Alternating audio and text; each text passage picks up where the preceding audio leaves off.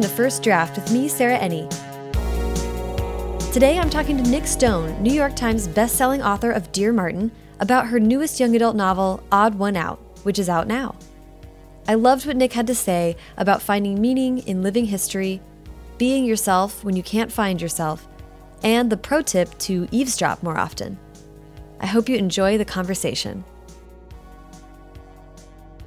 Hi, Nic. how are you? Hi, Sarah. Okay, wait. Fangirling because, like, when you asked me to be on this podcast, I kind of lost my mind inside. What? I'm a fan. Uh, well, we, we met at BEA not this last year, but the year before. Yeah. You remember that? We did down And in the food court. Yes. And we talked for about five minutes, and I was like, what? You had so many interesting stories. I was like, I need this to happen on a recording, like, immediately. I'm into it. I was very excited to meet you and have you, and I'm happy I could make it to Atlanta. Yo, this is the best place on earth. You need to tell everyone. Okay, I will spread the word. Yes. Speaking of Atlanta, I like to start these podcasts at the very beginning, which is where were you born and raised? So I was born here in Atlanta. Um, part of my childhood I spent in Kansas City, Kansas. Don't go there, there's nothing. And then I came back at about age 10 and was in Norcross, Georgia, which is about 20 minutes north of here. And I pretty much just stuck around ever since. I'm like down in the city now, raising my children here. It's delightful. Atlanta is like one of those cities that's so you can't just say Atlanta. There, it's so big. There's something for everyone in the city. I feel like. And it's so, I think my favorite thing about the city is that the residential areas feel like the suburbs. So, like, you're in the city, but like, like I could walk, like, we're looking out the window here and it looks like a forest mm-hmm. because there's a residential neighborhood, you know, half a mile to the left. And they feel very neighborhoody and residential. And I just love it so much. Yeah, it's nice to be. I feel that way about LA too. That it can feel very neighborhoody, and then and yet you're very close to whatever you need. Yeah. It's super fun.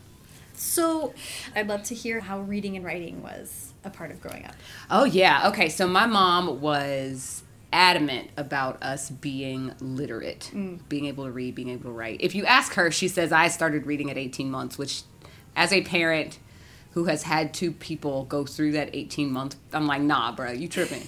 But I'm gonna let you rock. We're gonna let you slide with this 18 month thing. Feel good about yourself. That's fine. But I have been reading for a very long time. We spent a lot of time as kids in the library hmm.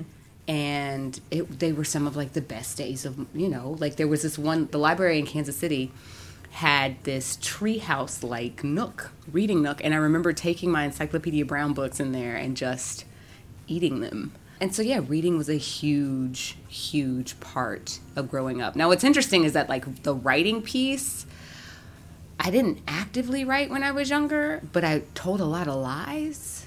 I had a very big imagination. Mm-hmm. I remember telling my aunt that I had. This was like first grade. I told her I had three classmates who were triplets named April, May, and June, and she like bought it hook, line, and sinker. Like no, no questions asked. So clearly, I've had a gift for a long so time.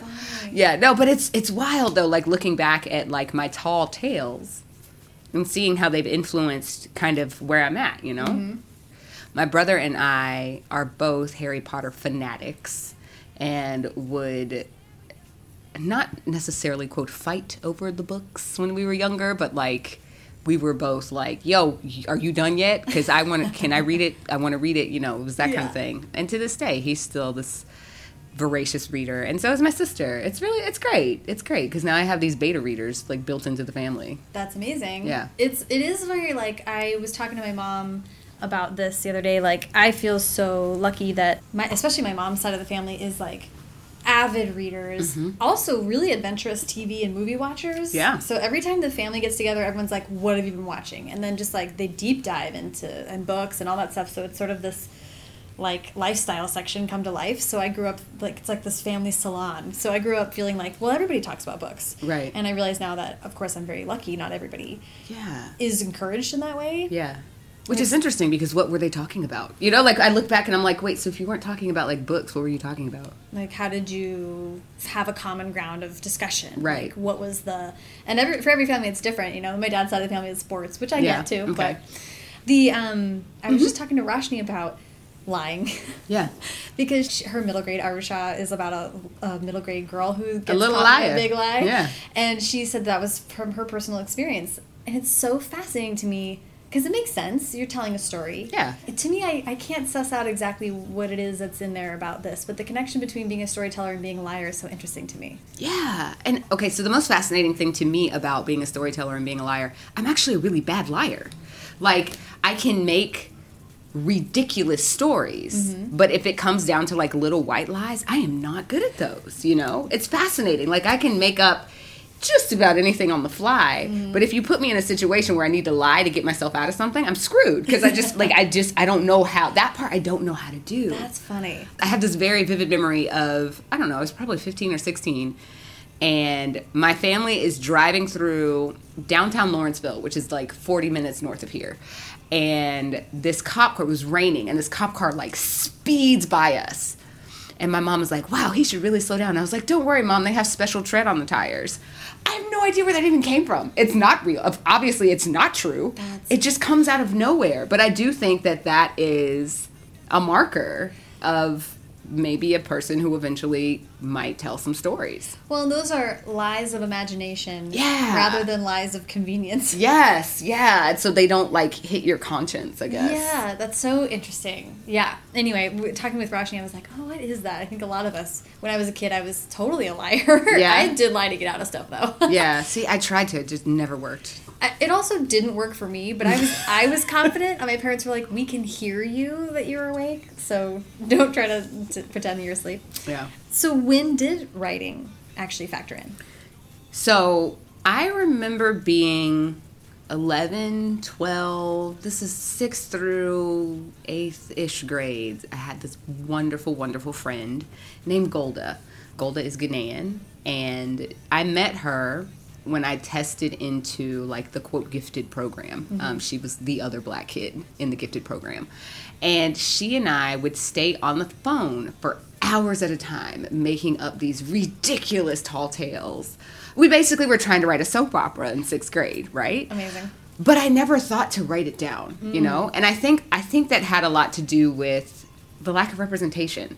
I had a really good friend, Alexandra, tell me that when we were in eighth grade, I told her I was going to be a New York Times bestseller one day.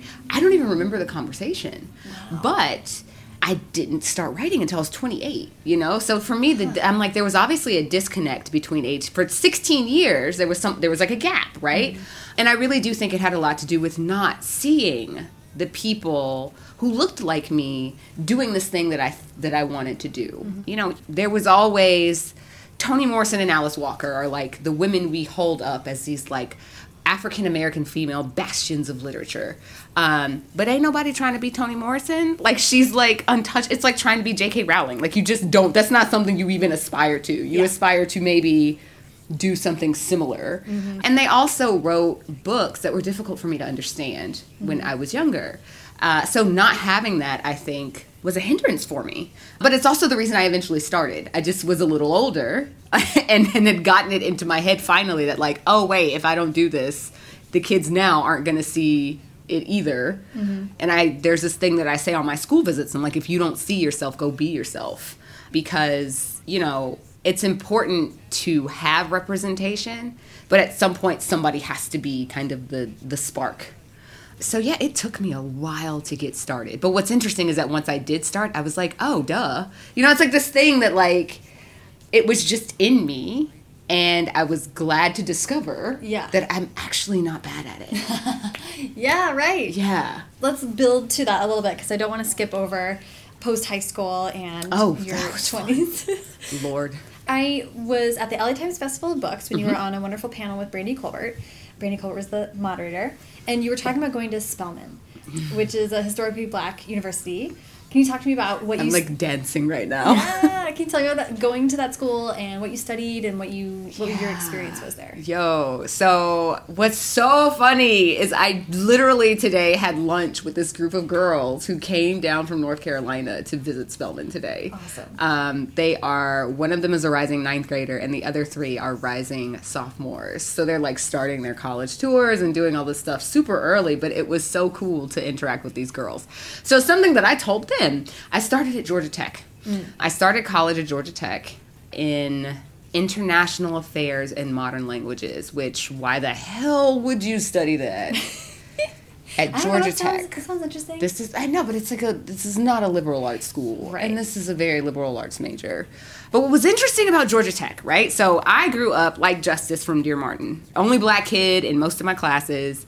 The tokenism was so so real. So I thought that my mom went to Spelman, my aunt went to Spelman. So clearly it would have been like a natural path to follow. But I thought that because I had had the experience of being the black kid in the class of like 20, I'd be fine at Georgia Tech. But then I got there and it was like you go from being the black kid in a class of 20 to the black kid in a, a calculus auditorium and there's three of you in like 400. Like it was, it well, that's actually an exaggeration. It's probably more like 200, but still. It was a lot. That's like, you know, 1 to 2%. Yeah. And that was overwhelming. And I couldn't, trying to adjust to that level of tokenism was, I just couldn't do it. I mm-hmm. lasted a semester and then I was like, okay, I gotta go. so I wound up applying to transfer, and my two options were Spelman and Auburn. And I mm-hmm. was like, I think if I go to Auburn, it's probably going to be more of this. So let's just try this Spelman thing. And it ended up being the best decision I have, the second best decision I've ever made in my life. Uh, the first best decision was the hot man that I wound up marrying, which I'm sure we'll get to eventually. but it ended up being this really great decision because there was something so powerful about when you are black in this country there's this cloak, this coat, if you will, that you wear around that has all of this shit on it, right? It's got like otherness and and low expectations from people. And there are all of these things that are just heaped on you as a as an African American person here. At Spelman I got to take that coat off. And it was I can't even explain how amazing it was to step into an environment where I wasn't worried about whether or not the person two desks over was thinking about whether or not I was qualified to be there. Mm-hmm. Because, you know, even though I feel like there is this element, especially in this country, of like, well, don't let other people's things affect you. It's not, it's just not that simple. As much as I wanted to ignore kind of the gawks and the like side eye that I would get from people at Georgia Tech as like I was literally the I was one of literally two African American people in my entire dorm building. And the other girl was actually biracial.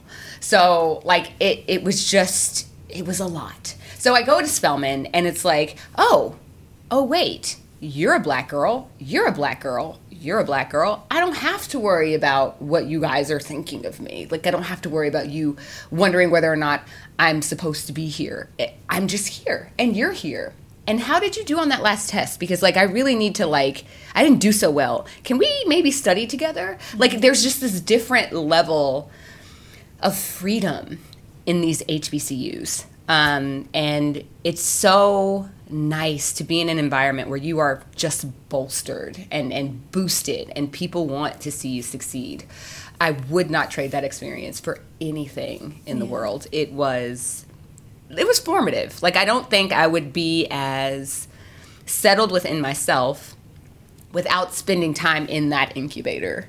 And so like every time I get a chance, I encourage when I interact with like high with like African American high schoolers and middle schoolers, I'm like, you guys, make sure you're considering HBCUs because it's a really good experience. Yeah. Um, it's it's a great place to just kind of find your feet and figure out where you where you're wanting to go. Yeah. Yeah. I want to share this story not because we'll put it in the podcast, but just because it's, and I'm not like relating this to that experience at all, but it's reminding me of the feeling I had when I went to Burning Man.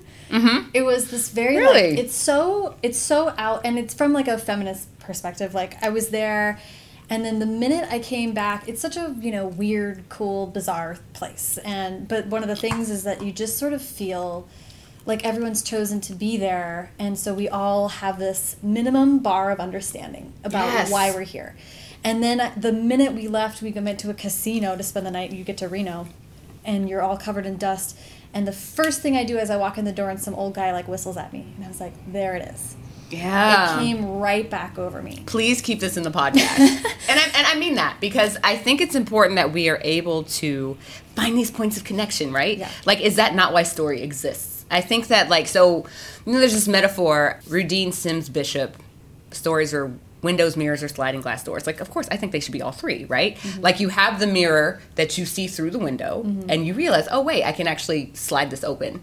Because I think that there's something there. Obviously, like we're all human, right? So there are obviously points of connection that we can make. Yeah. And I think a lot of those points of connection just come through emotion, feeling, knowing that somebody feels something similar to you, even if what caused the feeling is different. Right. It gives you this entry into other people's experiences. Yeah.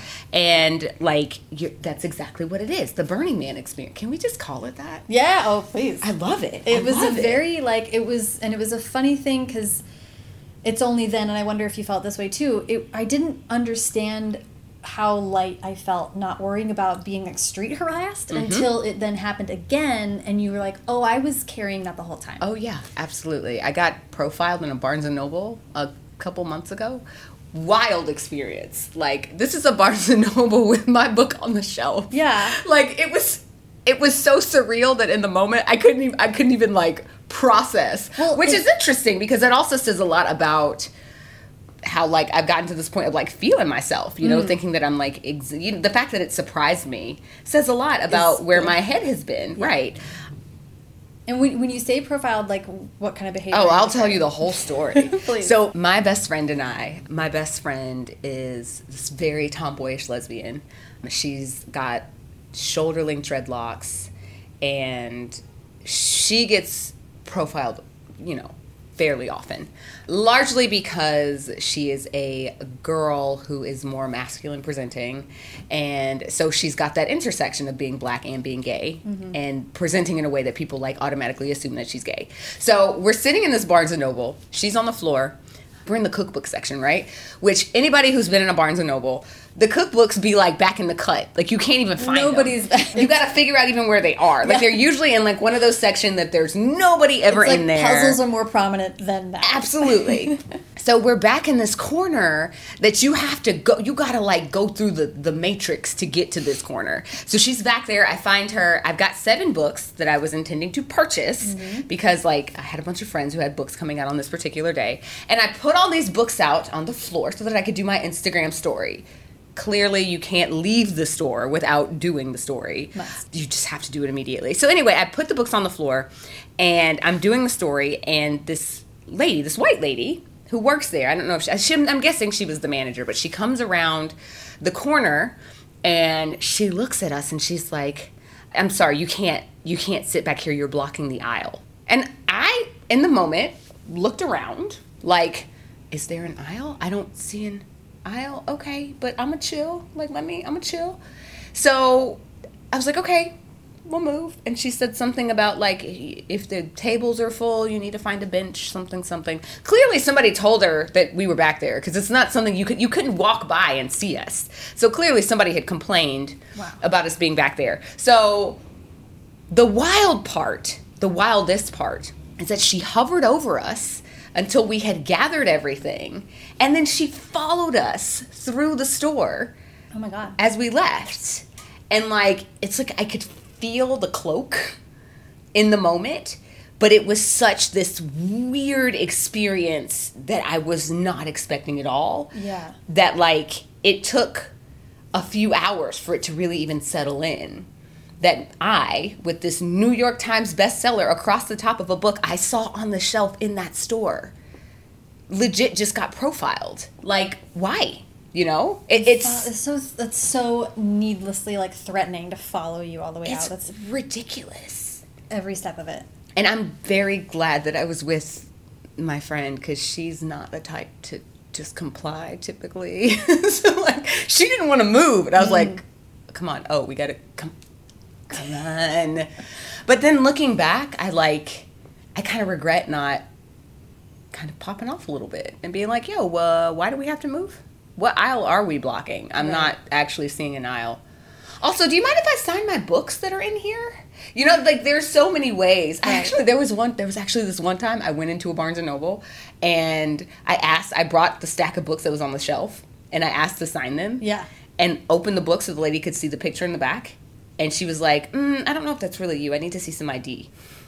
I was like, are you you're are you you're serious right now? wow okay. I mean, all right. I'm a, I'm a okay. I let that one go. I I do look exactly like this picture, but that's that's cool. Uh, here's my ID. I guess like it Oh my was. gosh.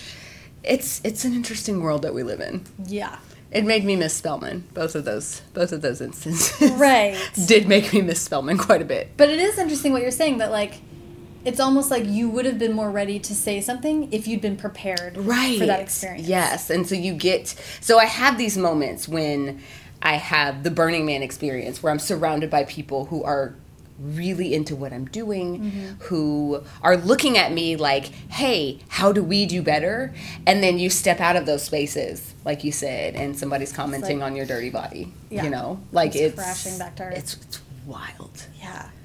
i hope you like popped on that guy i can't i can't deal with the cat callers Oh, sarah it's bad. I go off. Like Yeah. I really go off. I can't I can't do it. It's rough. I was just in New York and I had a couple. I was with my mom, so I was like, don't like don't lose your shit in front of your mom, you know? Oh, see, But- I, my mo- my mom would lose her shit. I love that. When you were at Spelman, did you finally see representation? Did you see women writing things that you were interested in, or was that still later? Not at all.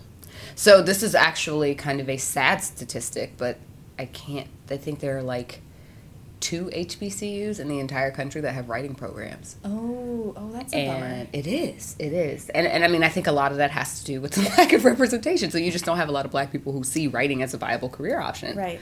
I do my best to kind of maybe plant plant the seed that you can do it. Yeah. I mean, it's it's and you know we're in this really interesting time in the publishing industry where we have all of these questions about representation and diversity and inclusivity and like they're really great. And but the thing is like we need it at every level right? Like from the writers to the editors to the people in publicity to the people in marketing like the mm-hmm. gatekeepers to even the publishers. I'll say the major publishers i can't think of a single black publisher. Actually no that's not true. Chris myers and chris jackson are both at random house. And then kwame alexander just announced his imprint at Right. hmh but black women?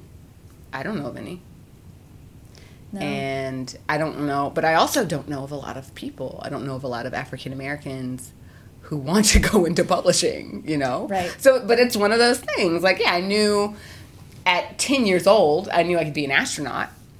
I will never ever forget the image of Mae Jemison with her big ass space helmet under her arm in her in her orange jumpsuit. Like she's on my bucket list of people I have to meet one day, and if I do ever get that opportunity, I will absolutely burst into tears.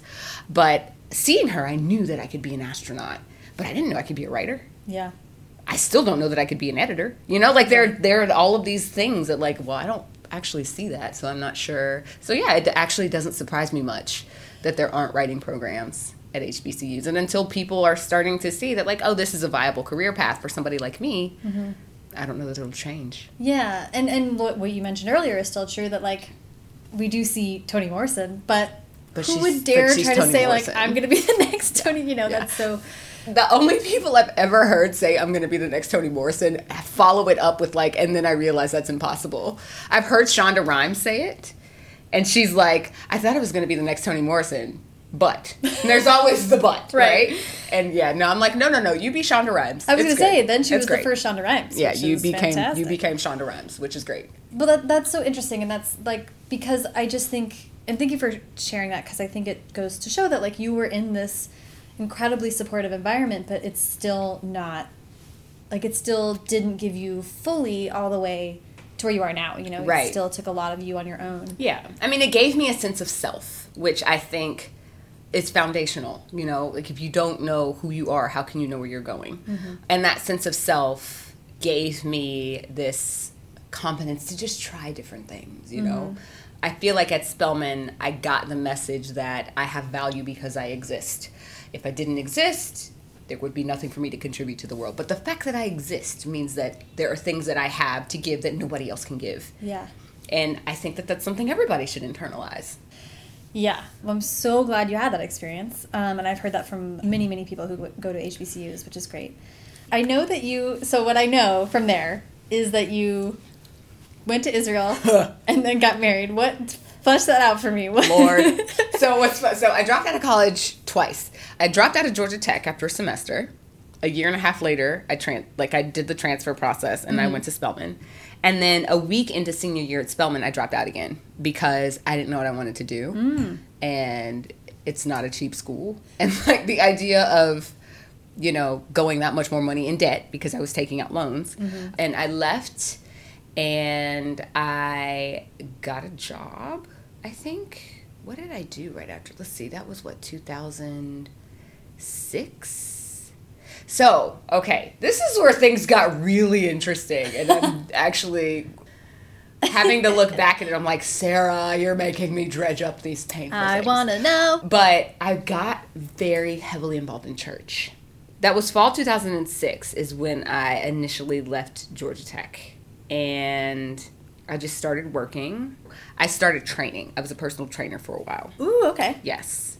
And then I also was working, I was like a shoe salesperson at DSW. Mm-hmm. And during that time, I was also intensely, intensely involved in the church that I was attending at the time. Mm-hmm. Like seven days a week. Ooh. Yeah, yeah. And I remember, let's see, so 2006, and then the entire year of 2007, I was just working and doing church. So during this time that I was becoming like devout, I guess is the best way to put it, I just got really obsessed with the Bible. And not in like a creepy, like smack people over the head with it type of way, but just in the lyricism and the stories and the way that it was written and like all of there's actually some really cool shit in the Bible and there's some really fucked up shit in the Bible too. There's some stories that are deeply weird. they are like it's some stuff in there that I'm like, yo, why don't we talk about this one more?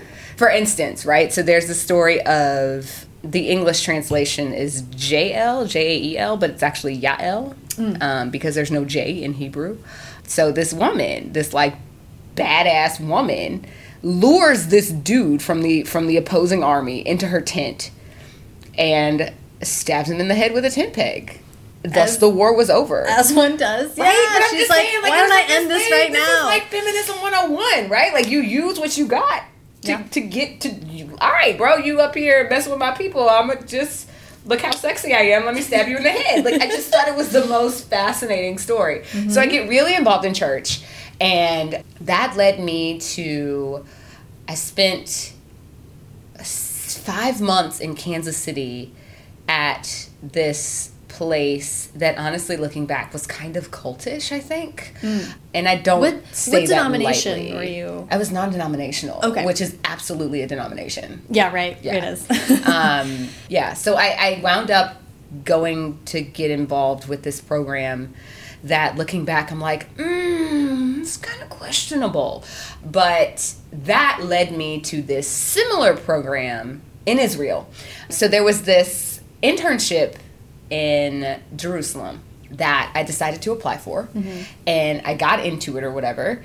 And I got on a plane to Israel with like $40 in my pocket and just on a literal leap of faith, like decided I was going to go to Israel for a summer Whoa. initially I was kind of searching for more of God. Because what's interesting is that despite the fact so I like quote became a believer mm-hmm. at like 19 so at this point I was 20 I think I was 22 and so it'd been about 3 years of daily Bible study. Like I was studying it in the original languages. Like I just really love learning in words and stuff. So I was like okay let me actually pick Yeah. this thing apart. So I go to Israel right? So I'm there. I get there with $40 in my pocket. And I'm there deciding that I'm really just trying to find out more about this God person, right? Mm-hmm. And what's interesting is my faith completely unraveled. So In Israel. In Israel. So I go there and I'm like going there looking for God and I found this really hot guy instead. Or in addition, depending on how you look at it. Mm-hmm. Uh, but that's this first summer in Israel, it was like everything that I thought I understood just fell apart. And it was it was one of the best things to happen to me because I find that as a person of a faith that now is a bit more nebulous. Like it's not as concrete as like I go to church every Sunday and this is what I believe. Boom, boom, boom. Um, now I have this much wider worldview because there was something very powerful about being in a place where I was the minority faith and coming to understand what Christians, mm. what we kind of put people through here, you know. So I wound up in Israel that first time I met this smoking hot guy, good lord. What's interesting is I was also like closeted bisexual. It's just very bizarre. I was like questioning hardcore. So the first girl I ever had a crush on, I was six. And I have a picture of us because we went to the circus together.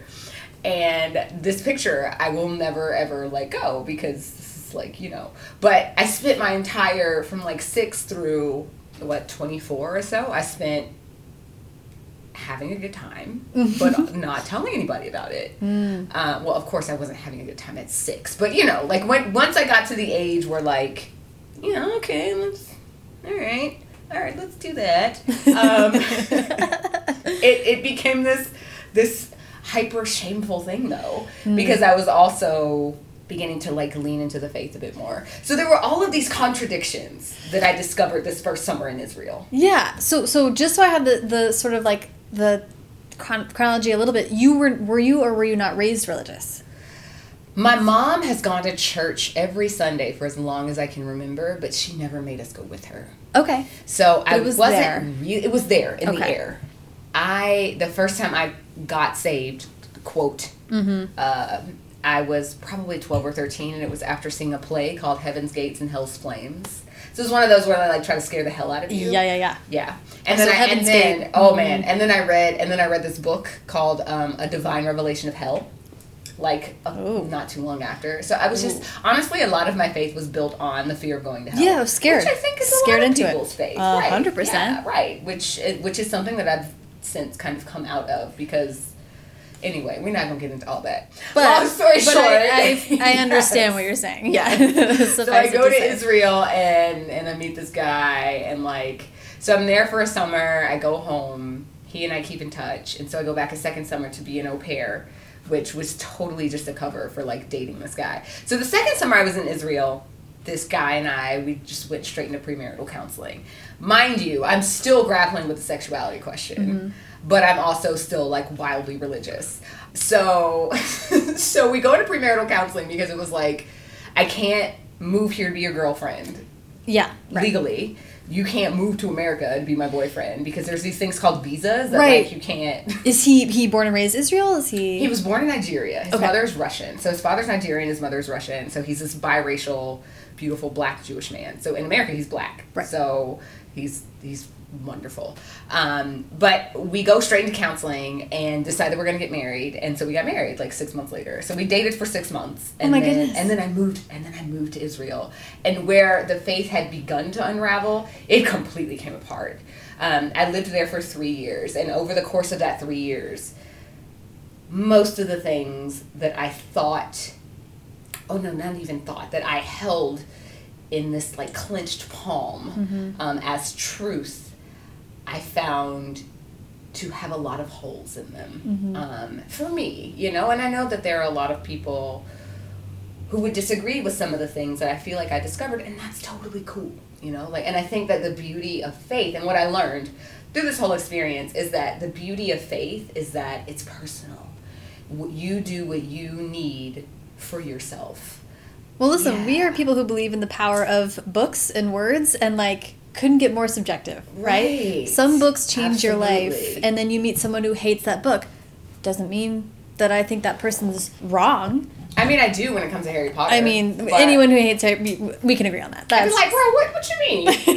like I don't think you read it right. You no. I, I've had kids so like I go into these schools and I have kids be like, "Nah, Percy Jackson is better." And I'm like, "Yo, listen, listen. This is apples and oranges. I feel you. Percy Jackson's amazing, but, Harry, but this this is not the same thing." Yeah, and and no, they don't need to win. You know, they don't Right, need to be no, pitted it's against fine, each other. they You can can have Percy and Harry. Right. I have Percy and Harry, Mhm. and and Carter Kane, Mhm. and I have all of them Oh my in god, my pocket. that's so funny. and on my backpack, like Snape and Loki, like they Yes. live with me. That's fascinating. And your your now husband is uh, Jewish. He is. Okay. But what's he never practiced. So like I I joke about like, dude, I'm like more Jewish than you are. Because I'm like I'm the one so our son, our older son went to Jewish preschool. Like because I want I want that to be alive in him. Yeah. And I want him to be aware of all of the pieces of his heritage because there's something very powerful about knowing where you come from and knowing your background and understanding kind of your own history um, as as brought together by these different pieces of ancestry, right? Totally. So we so we've talked. You know, he went to he went to Jewish preschool for three years, and he will be bar mitzvahed. Both of my boys will be bar mitzvahed, and like it's just, that's just it is what it is. I would, and this is like a tough question, but mm-hmm. I would love to hear from you what you found in Israel. Like, what what do you when you think back to that time in Israel? Like, what do you think you discovered? What do you take with you? Compassion. Um, I met a lot of people in Israel. So so I have my best best best best friend in Israel. Her name is Shani, and she's this wicked amazing musician. Um, she does worship music. Um, she does like Hebrew worship music, and she's got five kids, and I just admire her so much. But something that she said to me once was, "If you don't leave Israel unoffendable, something something went wrong."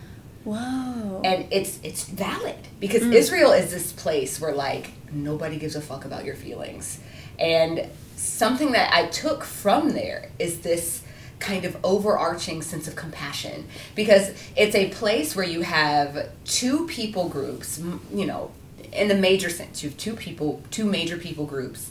You have your Jewish population, you have your Palestinian population. And, you know, there's like this whole history between them. But the conflict is ongoing. Mm-hmm. And honestly, the conflict will probably continue to be ongoing. What I learned, though, is that there are situations where everybody is wrong. You know, we're constantly, I feel like, especially in this country, in America, we are so solution oriented mm.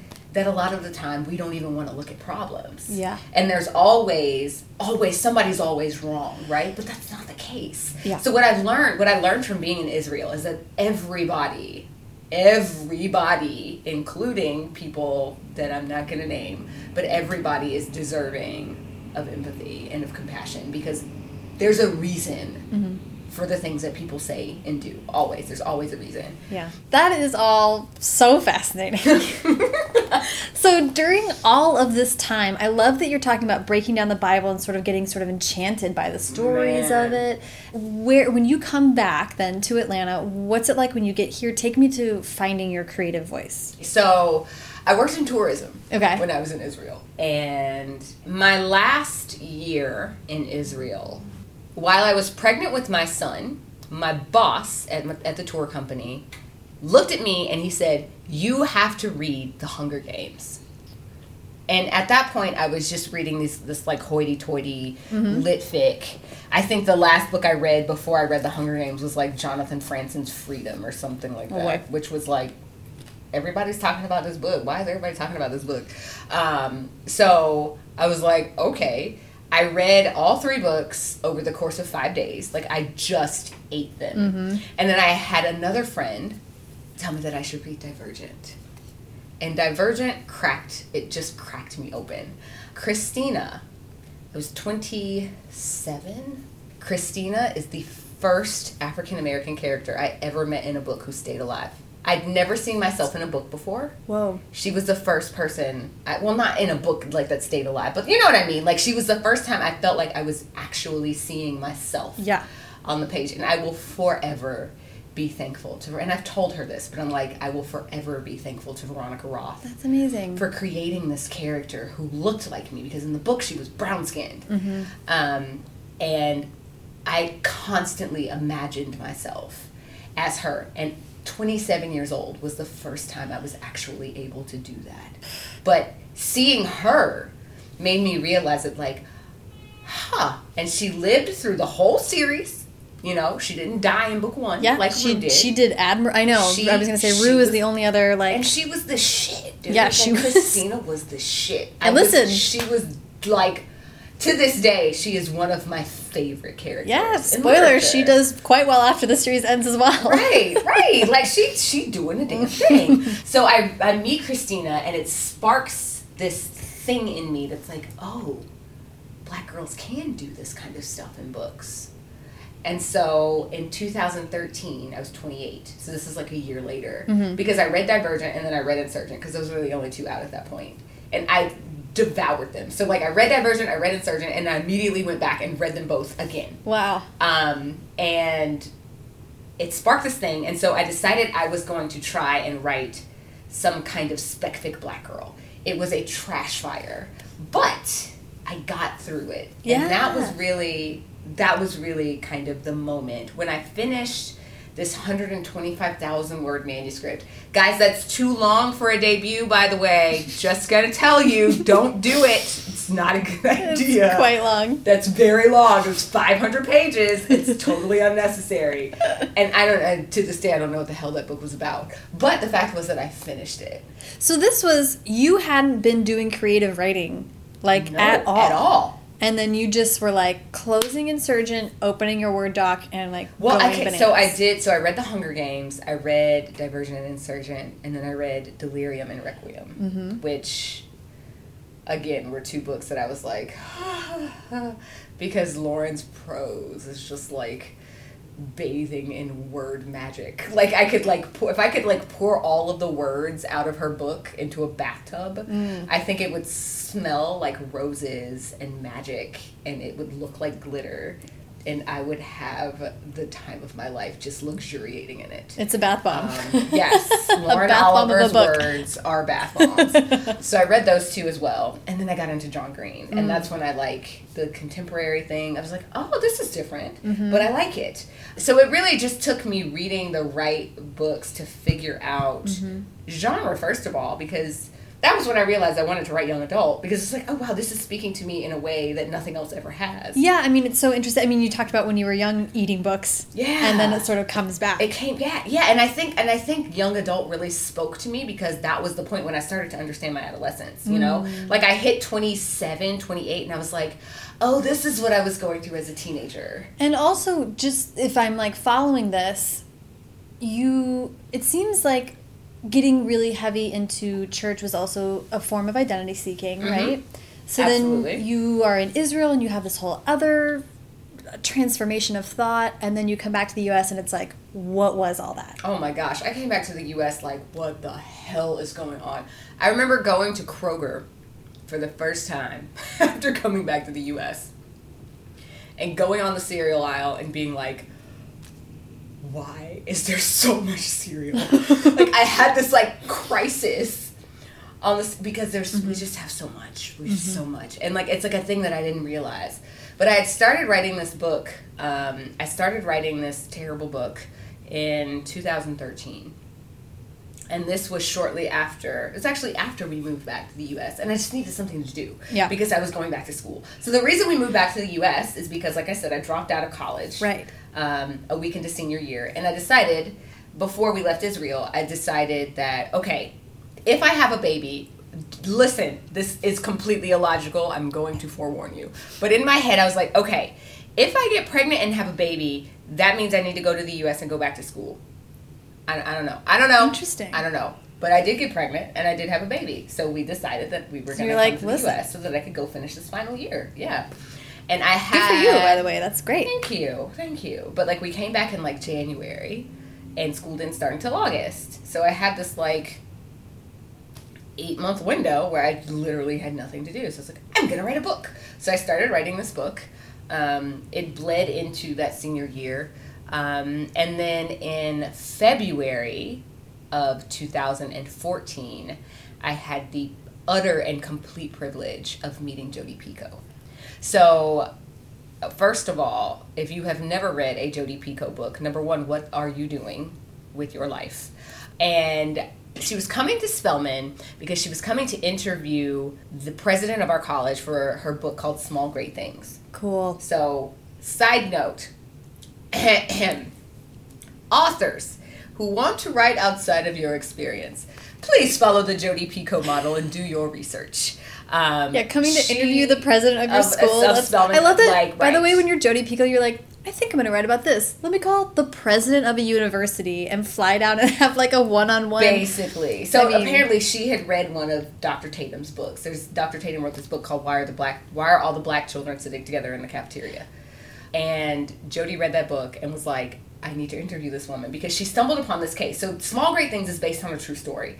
Um, there was this black nurse who wound up being taken to court because a pair of white supremacist parents, she was an OBGYN, she was like an OB nurse.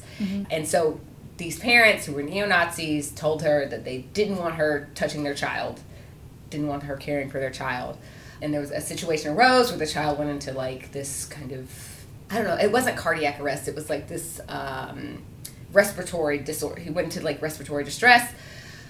I won't spoil the book by telling you the actual story, but long story short, this woman wound up being prosecuted for murder of this baby. And Jodi latched onto that story because it was infuriating for her. So she decided, she read all these books, she did all this research, and decided she was coming down to Spelman to interview the president of our college. Well, then snowpocalypse happened. So I got invited to this luncheon. They were going to have a luncheon for, you know, the the the handful of writers that were on campus hmm. with Jodi Picoult. She agreed to do this luncheon and then not only did we get snowed out, like the city got snowed out. Like this was during we literally call it Snowmageddon. I remember this. Oh yeah, I'm sure most people do. Because it was Atlanta specifically. It was very that was like Atlanta. we can't handle this. we don't do well with snow. Was, It was- the message. it was not- to the rest of the world. I don't mean to demean your, your experience, but Oh, I do no, no. I do recall that it was not a great deal of snow. It, was like you know what? It was ice was the Yes. problem. So so here we don't like really roads get, were, like, Yeah, impassable. Exactly. Like no, not only were they impassable, people left their car on the highway for, Yes, for a week. For a which week. which by the way, I was in DC and we were like people abandoned going to Virginia was impossible, and I was like, God forbid there be an emergency in the capital of the country because Right. we're not equipped for that. I can't even handle it, right? So so because of that though, the luncheon got canceled.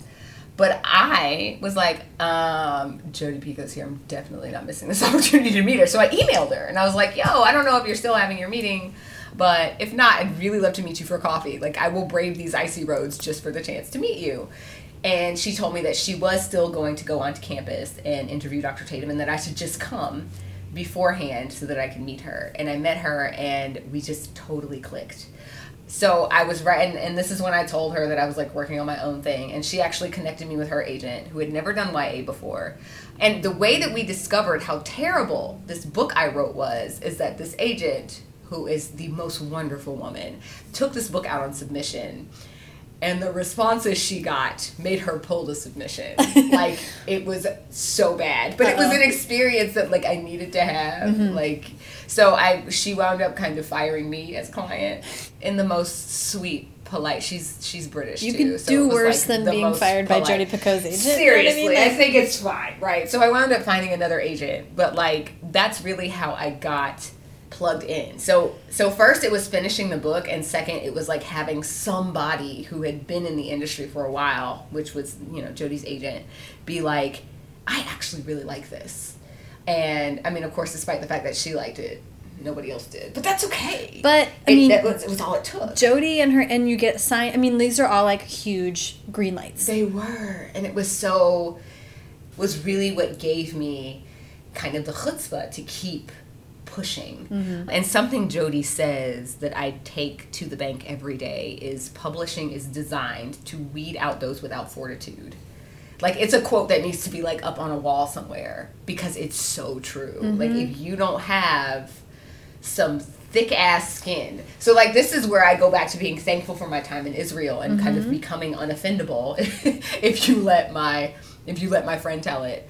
Um, because it gave me this resilience to deal with the stunning amount of rejection that most people go through Yeah. um, in this industry. Yeah, and don't stop going through. you know what I mean? Like, there's no um, Mm-hmm. Expiration date on. It. It's like I don't care how long or how successful you are. There's always going to be somebody who doesn't like your book, which is a form of rejection. I just interviewed Sarah Dessen, and an unbelievable amount of that conversation was her being like, "I don't know. I think I'm not doing it right." yeah, And I was like, "What?" you're like Sarah. Sarah? but you're Sarah Dessen. right, right. I was like, "Do you know who you are?" But it was like, you know, it's a, it's like good to know that, and I think that experience of Israel, right, just like built you, you. If you have that as like a foundation, Yeah, then you can. If you know who you are outside of publishing, then Mm-hmm. you can survive publishing. right. I don't think it works the other way around. No. So Spelman plus Israel. Led, led to Nic Stone. Okay, I want to make sure not too much time passes before we actually speak in specific about your books. So, Oh, books! Is that what we're here to talk about? So let's get to to Dear Martin because it's actually a little bit of an unusual like sale experience. Mm-hmm. So lead me to the selling Dear Martin. Okay, so we'll go back to before I got fired. the book that I was working on was this like spec fic thing that was actually very bad. So I wrote something new that was contemporary. It was about a, and this book is going to be on a shelf one day. Damn it! Um, but it's about a. It was about a black girl who was living with bipolar disorder because mental illness is something that is not discussed nearly enough in the black community. Um, and there's all kinds of, like, the stigma is kind of quadrupled in the black community. So I wanted to write this book about this girl who's having this experience. I sent that to the previous agent, mm-hmm. and she was like, "Okay, this is great, but I don't. I really think that you should try to find another agent who actually does this YA thing because I just I think I'm out of my wheelhouse." So I queried. I, went- I like thought I'd surpass this. Like, oh, I don't have to query. I have Jodi Picoult's agent, and then I wound up having to query, and I had a lot of rejections on this book, but I got a few points of interest, like a few people who were interested, and one of them was Rena Rossner, who just so happens to be an agent in Israel. So I sent her the query and was like, "Oh, by the way, I used to live in Israel. It's so cool that you're there." And she was like, "Okay, send me your full," like instantly, right? Amazing. So we cleaned it up a little bit. She loved it. We cleaned it up a little bit, and then we went out on submission with it. And the first person to respond, and she responded within like a couple hours, was Phoebe Yeh. And what Phoebe Yeh said though was, "Love this voice. This writer definitely has talent, but I'm not sure this is the right story. What else is she working on?" The answer to that was nothing. Um, I had things spinning in my head, but I hadn't, you know, nothing had been put down on paper. I, I wound up having 12 hours to pull together a proposal. So By the way, 13 this is like the root of all the writing advice of like keep working, like Keep work on the next please, thing. please, but seriously, do absolutely, and I will. I will tell you, I learned my lesson. so I had this this twelve hour window where I was. I managed to pull together thirteen pages of a manuscript about a boy who is killed over loud music. And it turns out that six months before he was killed over loud music, he had been racially profiled, and he had started this journal of letters to Dr. King to kind of process his, his experiences as he moved through the world. And boom, Dear Martin. So I submitted the synopsis and a couple of sample chapters. It was 13 pages. The proposal was 13 pages long, and she offered me a two book deal on it. but then I turned in my initial draft. I had eight weeks to pull a draft out of my ass, is how it felt. But I did, right? So I had to do the research and the writing simultaneously. Not the best eight weeks of my life, I will tell you. I, what was a shower? I don't know what showers are. I have no idea what showers were during that. yeah, no, not when you have eight weeks. Uh, what, You're jumping no in a idea. pool and then getting like, back I was like, I was like, what's what's happening? I don't I don't know what's happening. Just really quick, you had the 12 hours. D- It sounds like you must have had a seed of something. Mm-hmm. I did absolutely. Like I had there was something that had been spinning in my head, but it was something that I was deathly afraid of, because when you're dealing with so Jordan Davis was killed in 2012. He's a young man in Jacksonville, Florida, who was in the parking lot of a convenience store with his friends. They went inside to get some snacks. They had their music turned up loud in the car. This white guy, Michael Dunn, pulls up next to them. Didn't like the volume of the music, didn't like the type of music they were listening to, and apparently he quote felt threatened after an argument, and he pulled out his gun and started started shooting, and Jordan Davis was killed.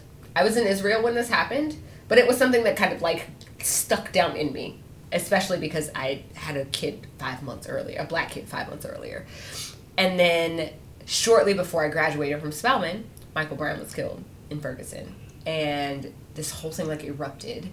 Uh, Black Lives Matter went from a hashtag to a movement, and I kept seeing people quote Dr. King in opposition to the movement. And I was like, "What the? Are you? Are y'all serious right now?" I think really the tip of the iceberg for me, not the tip of the iceberg, but like the the tipping point is what I should say. The tipping point was really like hearing the mayor of Atlanta say out loud, like on the news.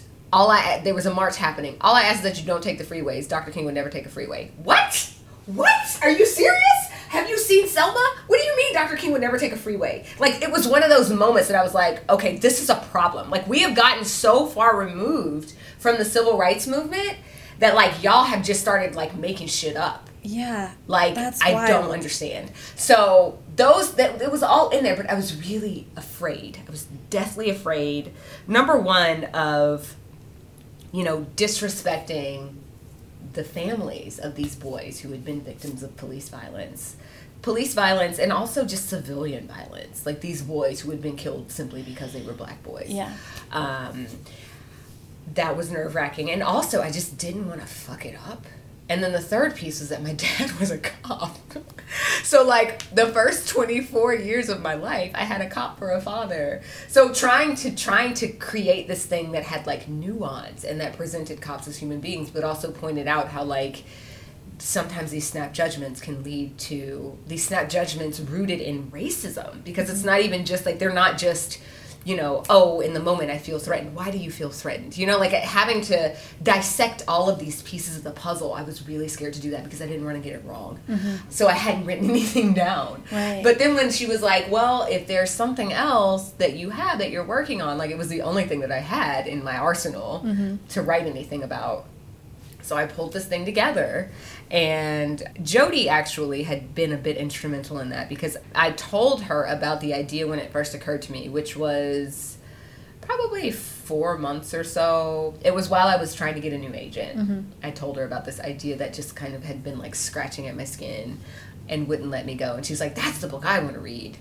And so I had that in the back of my mind, and I was able to pull together. I'm a huge believer in the muse, by the way, and I do think that she can be seduced.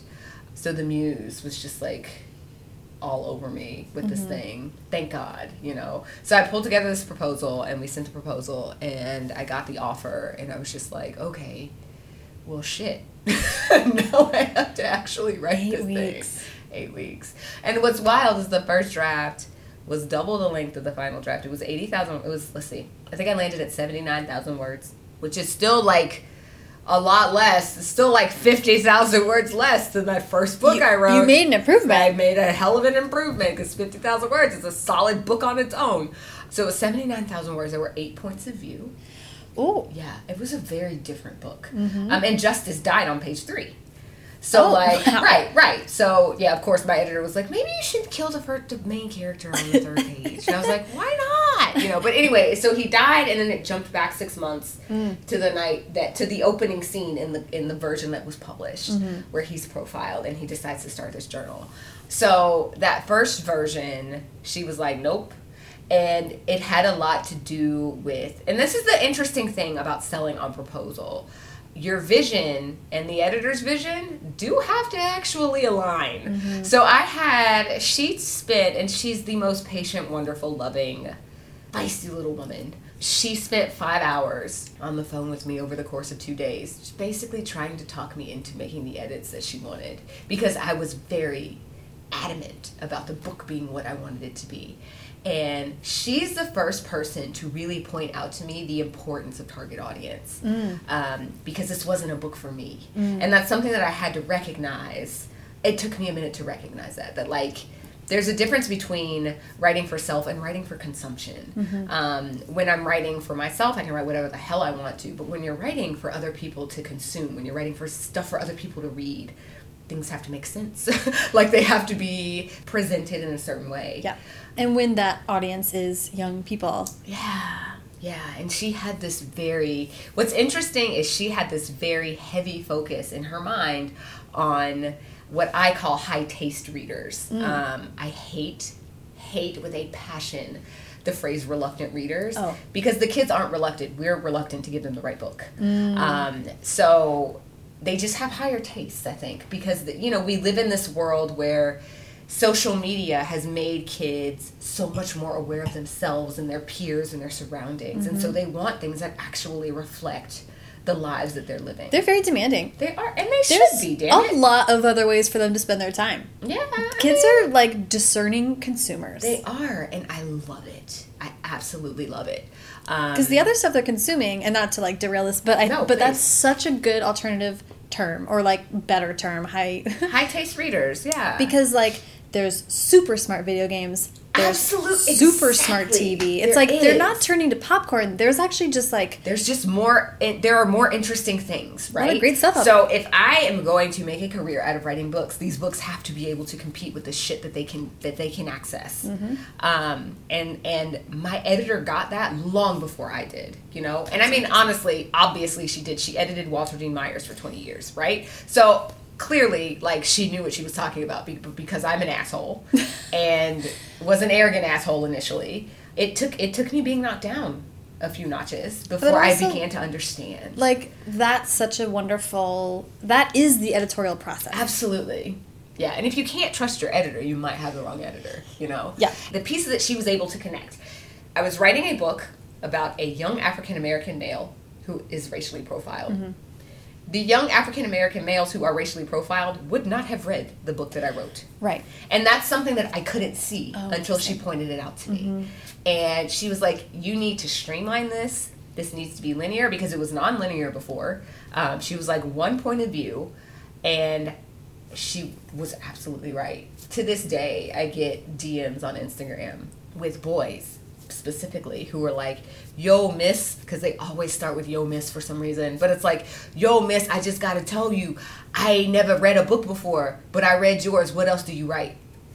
So to have a kid have their reading bug sparked by something that I created, I owe that I owe that hundred percent to Phoebe because it wasn't like that wasn't initially what I was going for. So to know that like my editor is a boss and she knows what she's talking about, it's really comforting. I just actually sold her two more books, so like it's great. That's a huge level of trust. I'm obviously thankful for all of my readers, Mm-hmm. but to have human beings like the guy that I wrote about come to me and be like, "This is the first time I've ever seen myself in a story. This is the first story I've actually ever read to the end. This is the first thing to hold my attention." Yo, miss, my mom got my mom's got mad at me because I didn't come to dinner because I was reading your book. Like that. Like I'm like The highest compliment. like I totally beat the video games and the TV, and like it, it's a really good feeling. Mm-hmm. And hopefully, I continue to make content that grips kids in that way. Yeah, that's amazing. Let's see what you think about this parallel. But I'm struck by the early part of your life where you were taking the Bible and applying it to your life, Mm-hmm. like now. As actually now in the US and now in Israel, like where you're standing, Yeah. where things happen. Yeah, And then the impulse to turn around and say, it's time to look at speeches and the movement of the civil rights in the 60s and say, what does it mean now? Yeah. How, are, how is this living still? yeah, That seems parallel to me. absolutely. I completely agree. There's something very cool, I would say, about being able to connect the dots between history and the present, Mm-hmm. and it's fun. It's so much fun because there's so much that we lose by not looking at history. Elie Well, Wiesel won the Nobel in 1986. He was a Holocaust survivor. Uh, he's got a number of books out. So one of the things Elie Wiesel said though was, it is the memory of evil that will serve as a shield against evil, which means we actually have to look at evil. We have to look at the evil, the evils in history, and look at them as they were. You know, the thing that I discovered as I was working on Dear Martin is that we have super sanitized the civil rights movement. The fact that people can hold up the civil rights movement and hold up Black Lives Matter and say that they're different says a whole hell of a lot to me mm-hmm. because the way the civil rights movement was received by most of America is literally the same, if not worse, mm-hmm. than the way Black Lives Matter has been received. Like, you mm-hmm. know, Ta-Nehisi Coates, I heard him speak to high schoolers once in Philadelphia, and the one thing that I will never ever forget from his talk was this quote where he basically said, Activism is about agitation.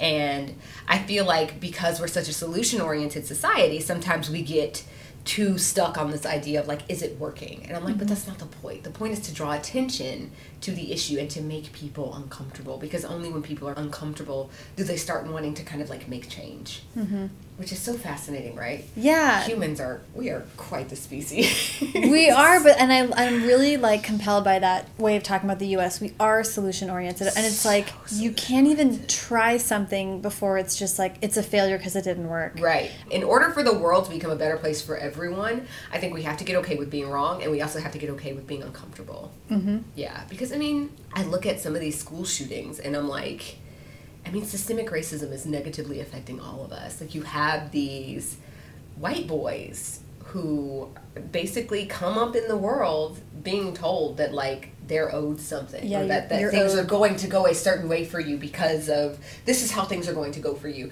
Even if nobody is specifically saying that, those are the messages that are kind of embedded in American society. Mm-hmm. And when things don't go that way, it's like, she snubbed me, I'm going to shoot my school up. Which sounds super extreme but like i do think that that a lot that these things are connected. I do Yeah. think that you know i look at Dylann Roof the young man who uh, shot up that AME church in charleston and some of the things that he said and some of the things that he thought and some of the things that he believed. I feel like those things were avoidable. If we were all just willing to get a little bit uncomfortable willing to kind of examine the foundations of our society, the foundations of our country, and and the things, the thought processes, the, the the norms that were put into place when this country was founded. If we were willing to kind of examine those things and peel the layers back and just like flat out be like, actually, no, black people are not inferior. Like I think that would that would be really helpful Yeah. in in a Well, lot of ways. The desire for certitude means like in some cases like not stating the obvious. Yeah. Which is also detrimental.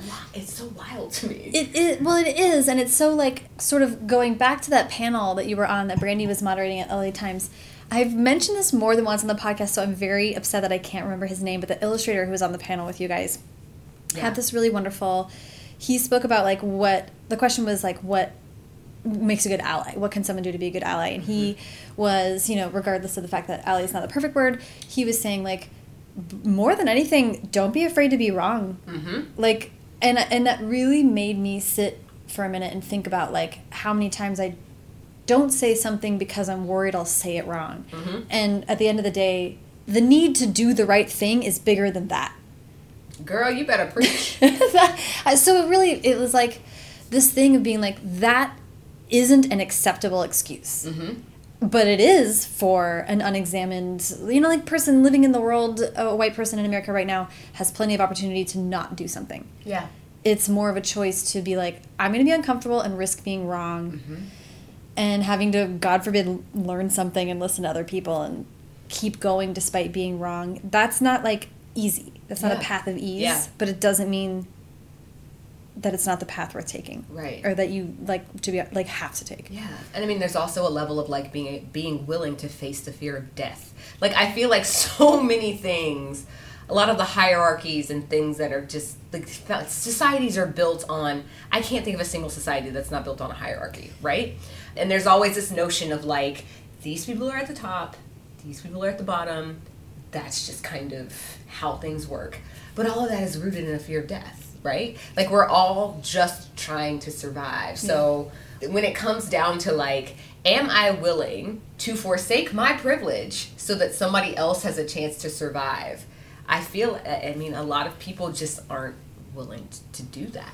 it's like like you're saying about the, the stating the obvious and being like so easily avoidable to teach boys that girls don't have to respond to your crushes so that they literally don't kill someone Yeah. like but what we are talking about and i'm just speaking for me is like uh, like as a white person it's like it you have to take a moment to understand that what you are experiencing or the risks that that i have are versus like people are dying Yeah, absolutely. and that's like what needs to sink in to understand the scale of what you yeah, n- need to be talking about yeah.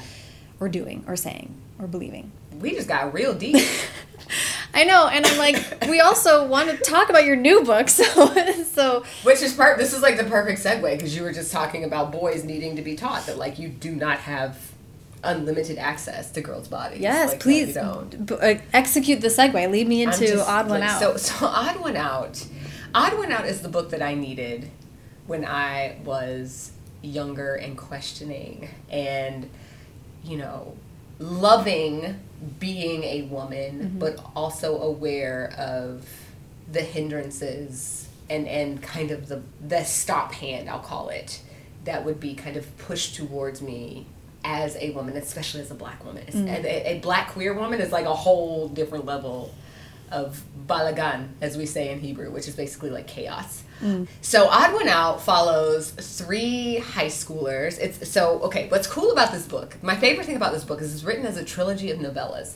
So you have book one, book two, book three, and each book is from the perspective of a different character. Mm-hmm. It is all kind of this chronological story arc. So where book one ends, book two begins, and and it goes to like in, it covers a different part of the story. So it is a trilogy. it is a trilogy. Yeah. Exactly. Yeah. But you have these three very imperfect kids trying to navigate the intersections of friendship and romance and figure out who it's okay to love. Mm-hmm. So the first time I had a crush, did I mention this already? The first time I had a crush on a girl, I was like 6 Mm-hmm. And I have this picture of us at the circus. And in this picture, I'm like gazing at her. And when I was kind of going through my own questioning process, this picture was was kind of tantamount for me seeing that like no this was a thing when you were younger. Like it's, it's like you when, when you grow up so you know 2015 is kind of i think when the scale shifted thank god. And it didn't shift in with with regard to like people's mindsets. Just like the civil rights movement didn't change people's minds it just made it illegal to discriminate. 2015 same thing you mm-hmm. know it's like illegal to discriminate against people on who are you know on the LGBTQIAP spectrum. Mm-hmm. But when I was younger, when I was having these questions, I spent middle school and high school denying this thing about myself while s- doing secretly you know oh it's just we're just experimenting you know like mm-hmm. you had all of there were other things going on while i mm-hmm. was in this stage of denial. But if i had had something to tell me that it was okay to have these questions mm-hmm. i think things in my life would have gone a lot differently. Um, I I know I've interacted, I do a lot of school visits, so I interact with a lot of these kids who have these questions now. Um, I actually did a writing workshop in Raleigh, North Carolina last week. I was there Monday through Thursday of last week. And Monday I was with teachers, but Tuesday, Wednesday, Thursday, I had two sessions. And in both sessions, I had questioning kids in both of them. So in the first session, I read the first chapter of Odd One Out Aloud because like there was this chunk of time where we were waiting for the pizza to arrive. Amazing. And I was done with the lesson for the day. So I was like, "You guys want to hear part of my new book?" And they were all like, "Oh my gosh, yes!" So because I had a, I had a non-binary kid in there, I had a trans boy in there, and I had a couple of girls who I could tell were at least having some questions. Mm-hmm. Um, and one of them was quiet through the entire workshop. But like I let her rock, you know, mm-hmm. like I don't I'm not I don't you I, I think it's important to like feel out the room. Mm-hmm. And at the end of the 3 days, I go to the desk where my stuff is and there's a sticky note on the desk. And the sticky note says I was just hoping we could stay in touch. And it had her name. And I just smiled because I was like, Knew you were paying attention. so I texted her because I was like, let's just be buddies. Mm-hmm. So I text this I text this young lady and she basically like her soul just like flowed out. She came out to me, told me she's been struggling at home, like her mom is not accepting. Her mom doesn't like that she dresses a certain way. Mm. I do not like the term dresses like a boy because I think gendered dressing is the stupidest thing I've ever heard of. Mm-hmm. If a boy wants to wear a dress, what's your problem?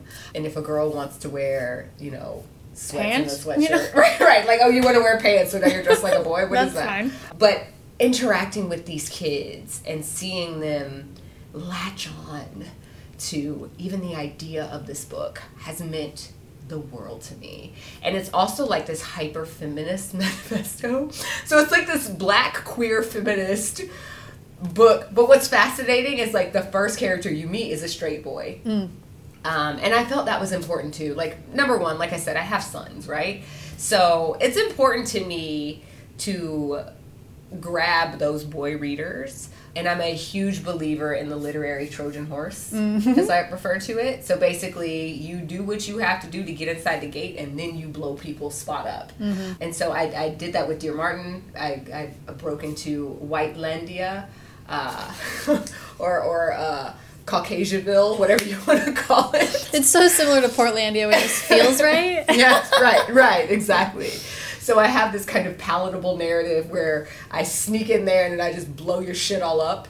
And it's the same thing with this book where I'm trying to kind of sneak into people's psyches and subtly point out the areas where maybe they should do some rethinking. Mm-hmm. And yeah, I'm, I'm excited about it. The, the main, so there are two female characters. One of them is, her name is Rae. She is biracial. Her mother is Irish, her father is Chinese American. Her person is based, not, not her sex, her sexuality isn't, but like her person and her her appearance is based on one of my best best friends. Alexandra who i was saying who i was telling you earlier told me that when i was younger i said i was going to be a new york times bestseller. So this girl in this book looks just like alexandra. And then jupiter. Jupiter is this afro-latina um, her father is Cuban, her mother is African American, but she actually has two dads, so her surrogate was African American. And she identifies as black. But, you know, you see this kind of like girl who knows she likes girls and is cool with liking girls and you see the ways that she interacts with like the guys around her and the male character his name is courtney has no doubt that there are boundaries you know? And i think that that's an important thing for boys to see. Like you need to see this male character who yes maybe she might you know unwittingly lead him on every now and then but does that give him permission to do has do as he pleases? Of course it doesn't. Of course it doesn't you know? Um, so it, it's a, it's an interesting book. I'm excited about it. Hopefully so far the response seems to have been pretty good we'll see what people say when it comes out That's exciting. Yeah. I also love that the OG draft of Dear Martin was eight points of view. then you got pulled back oh pulled to back. one. But I love that you are now back with three points of view. And Yeah. you said earlier before we started actually recording actually that you're a character driven writer. super character driven yeah Do you think getting in their heads is sort of necessary for you to see the full story? Oh, absolutely. But I cheated. I feel like so. So part of the reason it was my editor again who saved my ass on this because she's the one who suggested that if I was going to do more than one point of view, that I do them in chunks, Mm. and that made it a lot easier. I think like focusing hundred pages from one person. Mm-hmm. I think was easier than like having a chapter and then the next chapter is a different perspective and then the next chapter is a different perspective. Like, nah, bro, I can't, I can't do all that. Flipping then ends up becoming this sort of like mystery, which requires a lot of planning. Yeah, and I've read books that are multiple points of view, and I have to flip back to figure to remind myself who's talking. Mm-hmm. And I didn't want to have. And I mean, I think I've been told, I should say, that these characters' voices are distinct enough that you know who's talking. But I just I didn't want to run the risk of like people not knowing or them say them sounding too much alike. But this is a book that definitely needed to be the three points of view. And it's like I think of it as this three act play with each act coming from the character who's affected the most during that act. Yeah. Which is a really useful way to use point of view, right? Yeah. Like you there's certain stories. I was just thinking last night, this is so random. I was thinking last night I couldn't sleep and I was thinking, you know, it's so crazy that Bring It On the movie is from the point of view of Kirsten Dunst. Yeah? yeah, like and then I was like thinking through I was like, what happens in that movie? I was remembering all of it. And I was like, okay, well that is a story. Like Kirsten Dunst's story is obviously a story. But I was Yeah. like, who the fuck doesn't want to watch the Clover movie? Like the Clovers is the movie. You want to hear like a really fun? It's kind of a secret, but not really. So my, I call her my wife, but she Ashley Woodfolk. Her her debut novel is called The Beauty That Remains, and it is stunning. Um, it is a beautiful, beautiful book. But she tweeted one day randomly. I guess somebody asked like if you could collaborate with another author, who would it be and what would you write? And she did this like throwaway tweet that was like I would collaborate with Nic Stone and we would write a Bring It On retelling where the squad captains fall in love. And all I will say is that it has become a thing. Ah, oh my god, that makes me so happy. Yes. I'm glad that my throwaway story ties in. Absolutely. I do. I want to talk about upcoming stuff too. But was there anything else about Odd One Out that you want to make sure we get to?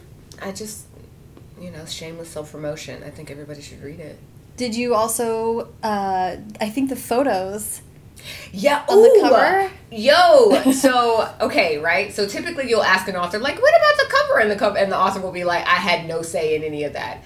My husband shot both of my covers, and I'm sure we'll probably shoot sub- subsequent ones because they've been such great covers. Mm-hmm. But my goal is to have the cover models at the launch because they're all local here. Because I got to pick the models, I got to direct the photo shoots. That was so dope. It was so dope. But That I mean, it means the world to me to have three characters of color on one cover that's about like gay shit. Like I'm just like They're not yes. hidden. They're not in the shadow. It's them. No, it's just and it's like odd one out. Like this is a this is a book about LGBTQIAP stuff. Like this is a book of this is a rainbow book is what I've been calling it.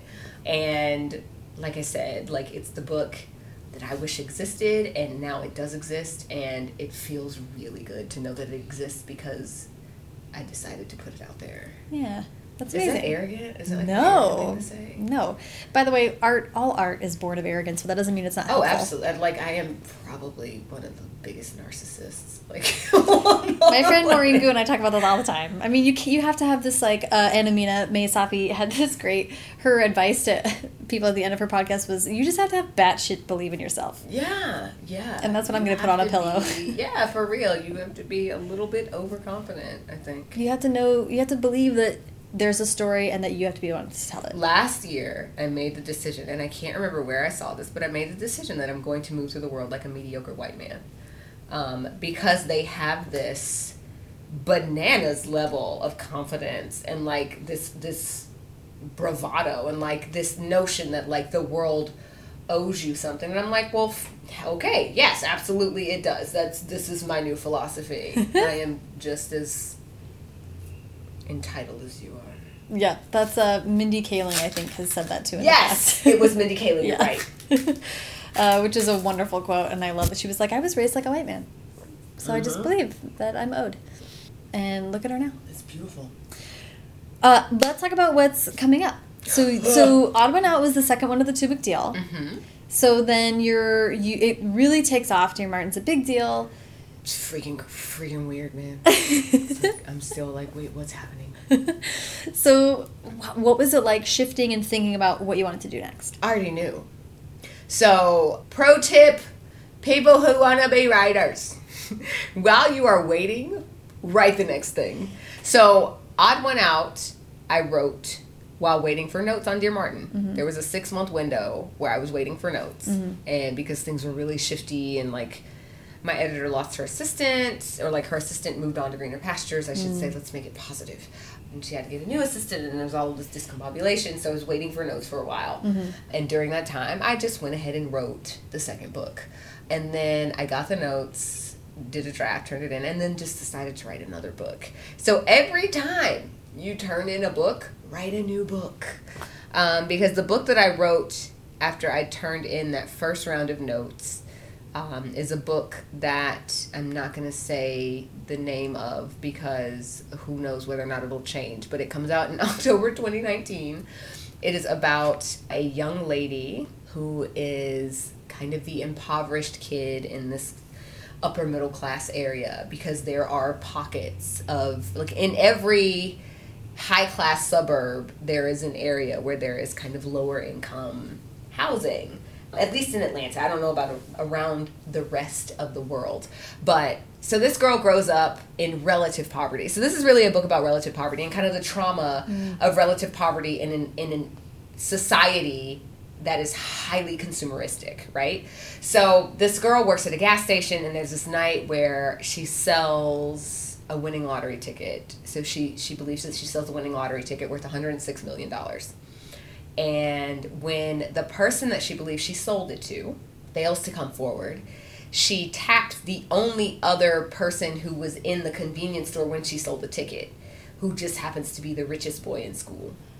So it's basically this collision of worlds and this examination of wealth and relative poverty and how does money actually function hmm. in this country and how does it affect the way we feel about ourselves? How does it affect the way that we interact with other people? If you are poor and you happen to stumble upon a hundred and six million dollar lottery ticket will it actually help you? Mm. What are the things that affect the way people spend money? Like there are all of these questions about money that I had because we are in this like hyper capitalist society where the gap between the rich and the poor is like steadily widening. And I have a lot of cognitive dissonance working on this book. So I'm in edits right now. It's due on Monday. but anyway, it's this book that like and I, I and what's interesting is that I wrote it in 2015 right after Dear Martin, like we saw that Dear Martin was like doing okay, mm-hmm. we went on submit like I was it was ready. Mm-hmm. So like we went on submission with it and I wound up selling it. And I was talked into doing a a Dear Martin sequel. And this has already been announced, so it's like fine for me to talk about it. But I'm doing for so 2019 is this book about the lottery ticket and about money. In 2020, I'm releasing a novel called Dear Justice, which is a play on words. And it is a book that follows, if you've read Dear Martin, it follows the character uh, Quan. Quan is currently in juvenile hall awaiting trial on murder charges for murder that he may or may not have committed. I don't even know if he committed the murder yet. So we'll find out. But it's really about the flaws. It's really me like like the way Dear Martin was me punching and kicking at systemic racism in a very hoity-toity intellectual way. This will be the same thing but with regard to the criminal justice system, especially the juvenile criminal justice system because it is a fucking trash fire. Um, especially when it comes to black and brown kids. So, Dear Justice is fall 2020. And then about a month ago, I sold, well, a month ago today. So, this will be announced by the, by the time the podcast comes out. But I sold two middle grade novels.